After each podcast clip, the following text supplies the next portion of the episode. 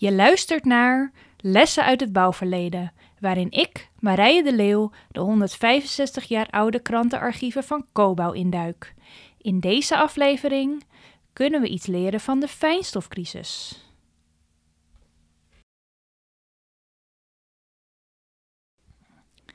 Ik zit hier in de Koninklijke Bibliotheek in Den Haag en er ligt een enorme stapel oude Cobouw-kranten voor me.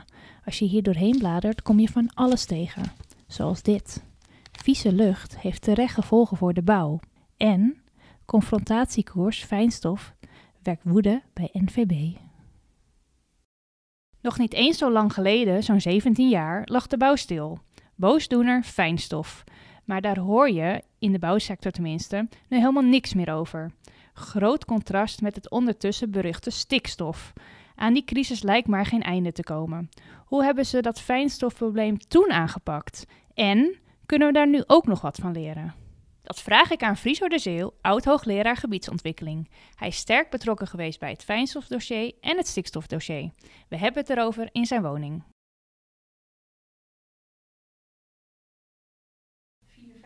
Ja, het begon eigenlijk in 2004. Eind 2004 werd duidelijk dat er een probleem uh, ontstond.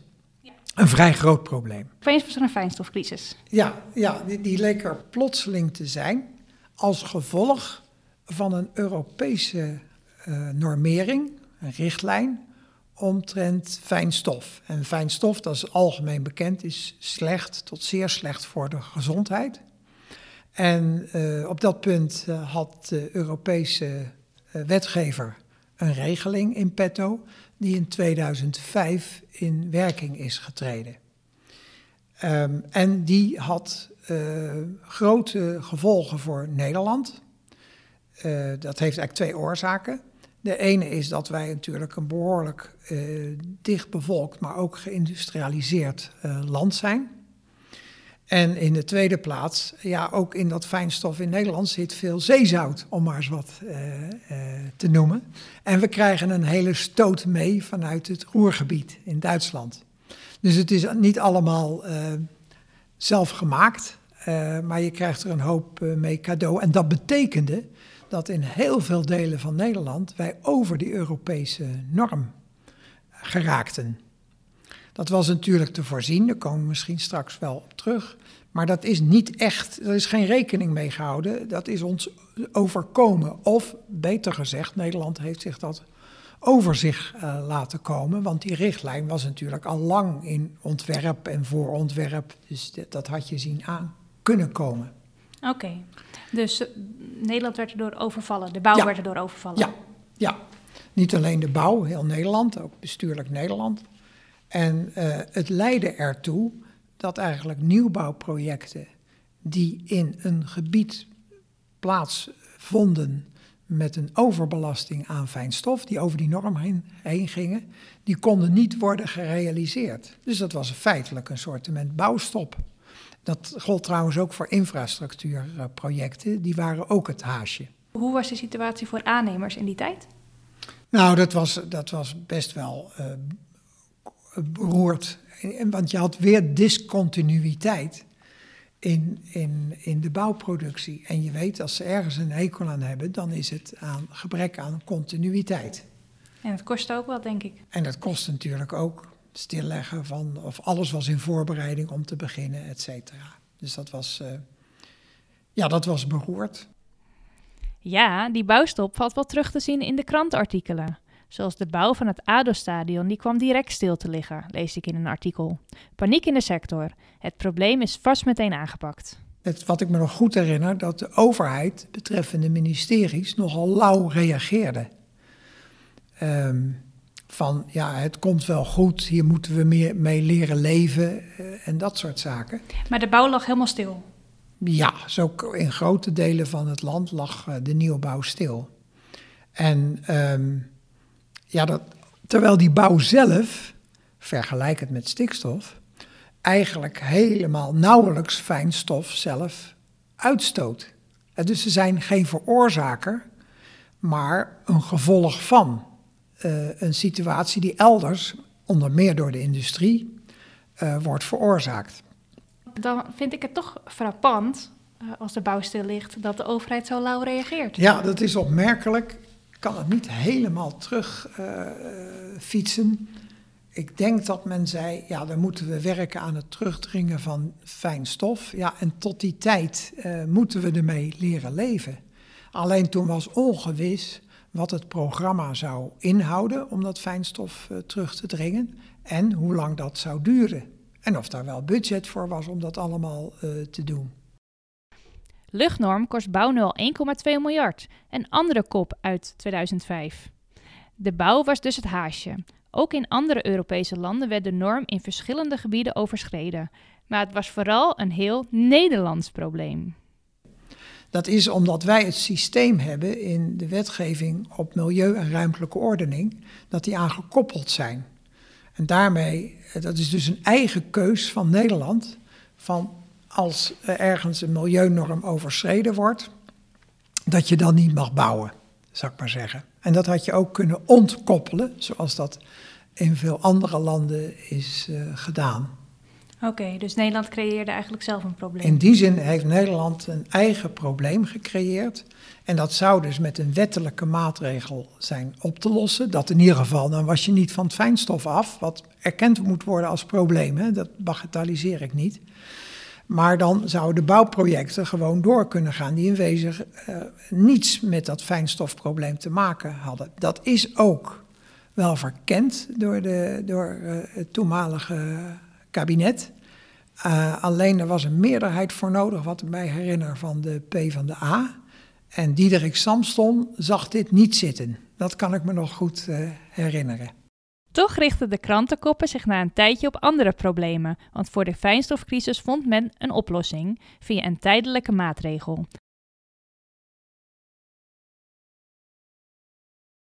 Zo kon de bouw van het ADO-stadion toch weer doorgaan.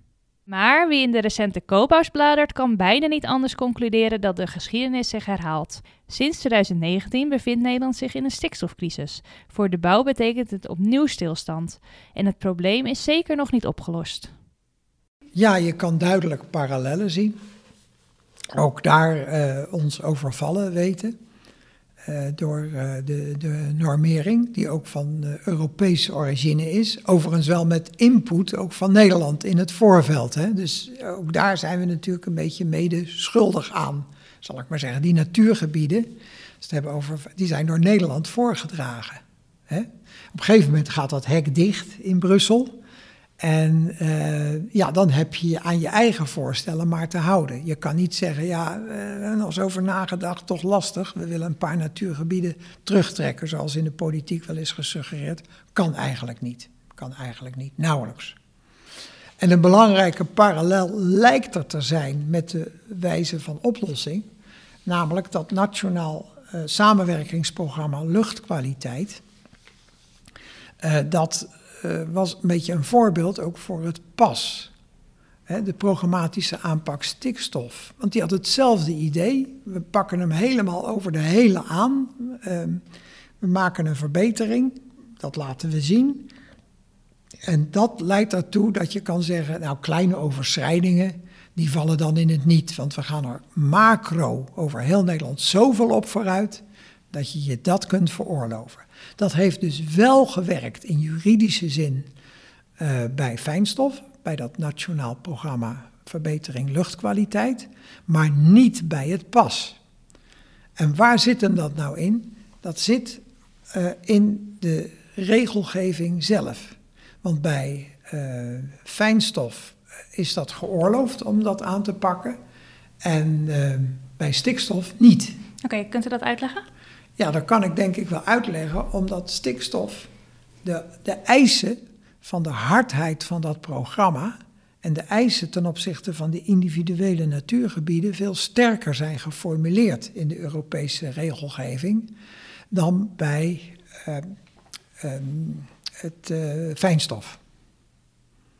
Snap je? Dus er zit gewoon ook een, een andere vorm van juridische vormgeving uh, is aan de orde. Is dat ook de reden dat de stikstofcrisis nu veel langer duurt dan de fijnstofcrisis ooit heeft geduurd? Ja, ja ik denk dat dat een belangrijke oorzaak is. Bovendien denk ik dat uh, een tweede oorzaak dat het fijnstofprobleem, om dat in orde te krijgen, wel wat minder inspanningen met zich meebracht als uh, de stikstofproblematiek.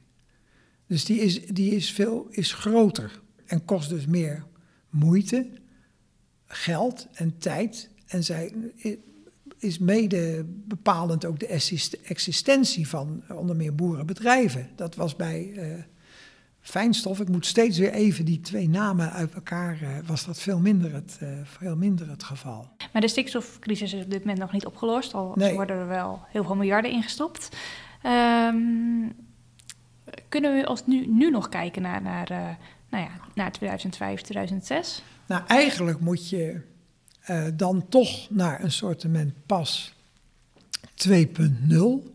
Het zit een beetje verwerkt in het nieuwe coalitieakkoord om daartoe te komen. Het heeft ook weer te lang geduurd, naar mijn idee, om tot zo'n programma te komen. Het was allemaal een beetje halfzachte maatregelen. En ik vind zelf uh, dat, dat bijvoorbeeld het aspect dat als dat nodig is, je ook moet kunnen onteigenen van uh, die agrarische bedrijven.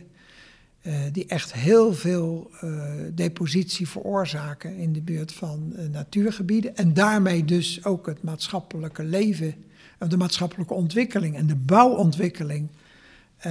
en ook de natuurontwikkeling daar belemmeren. Dat dat tot de politieke mogelijkheden moet behoren. En dan kan je dus met een paar op zichzelf niet goedkope, maar vrij dure ingrepen wel heel veel winst behalen. In bepaalde regio's, bijvoorbeeld rond de Veluwe, om maar eens wat uh, te noemen. Nou ja, da daar schrikt men dan van terug. En ehm, ja, terwijl onteigening, dat weten we in de wereld van de bouw, is eigenlijk een heel gewoon instrument. Dat is toch wel jammer. De parallellen zijn er dus wel, maar de oplossing is niet één op één over te nemen. Valt er dan überhaupt nog iets te leren van die crisis 17 jaar terug? Ja, wat we eigenlijk hadden kunnen leren van de fijnstofcrisis is uh, beter anticiperen, uh, sneller denken aan pragmatische maatregelen. Zo had naar mijn idee dus eerder kansrijker kunnen zijn een bepaalde drempelwaarde. Want dat is toen nou wel gebeurd in de, in de fijnstofcrisis. Nou, toen hadden we dat in niet betekenende mate. Ja, die, die, waardoor het ADO Den Haag stadion weer ja, gestart ja, ja, ja, nou dat hadden we, ook daar zijn voorstellen voor gedaan, zijn ook juridisch bekeken. Maar die werden toch te precair gevonden. Er is wel iets voor te zeggen, omdat, zoals eerder aangeduid, die regelgeving strenger is. Uh, bij stikstof, als je het vergelijkt met fijnstof. Niettemin uh, was dat het proberen waard geweest. Ja, en vaak zie je hier, en dat geldt ook wel in, in, in beide dossiers, dat iemand moet ook eens wat proberen. En dan loop je misschien uh, tegen de lamp aan bij de Raad van State, maar dan ben je wel weer wat wijzer over het smalle juridische pad wat je wel of niet kan bewandelen.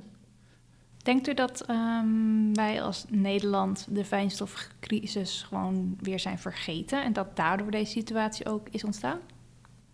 Nou, ik denk in het algemeen dat het collectief geheugen uh, is niet imposant.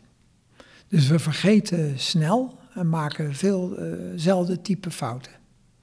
En dat, dat heeft ook te maken met het menselijk tekort. Is niet zozeer aan deze of gene te wijten. Dat zou ik niet uh, willen doen. Je zou wel kunnen denken dat in overheidsland uh, met zoveel expertise daar wel wat meer zou zijn opgepikt van deze uh, van eerdere crisissituatie. En dat merk je eigenlijk niet. Want wat is nou de belangrijkste les volgens u uit die tijd? Beter anticiperen op dingen die je aan ziet komen op naar het volgende crisisitem, zou je kunnen zeggen. Want die gaat er komen. Ja, dat, uh, dat, daar ben ik van overtuigd. Uh, de kaderrichtlijn water is in ieder geval een voetzoeker die er aankomt. Ik kan niet overzien in hoeverre die implicaties voor de bouw zal hebben. Maar voor Nederland, als we die kwaliteitsrichtlijn voor het water niet gaan halen. en er zal heel wat inspanning moeten worden verricht om die wel te halen. dan zou dat uh, consequenties kunnen hebben. Zoals gezegd, welke weet ik niet, maar dat is in ieder geval die in beeld is. En er zullen er ongetwijfeld zijn die eh, nog niet in beeld zijn. De fijnstofcrisis lost zich dus op. Hoe het met de stikstofcrisis afloopt, volg ik bij Koba op de voet. Voor nu was dit de eerste aflevering van Lessen uit het bouwverleden. Volgende maand hoor je weer een nieuwe aflevering en na de zomer staan er nog twee voor je klaar. Aan deze aflevering werkte ik samen met Koba-journalist Petra Platschorre. Dankjewel voor het luisteren.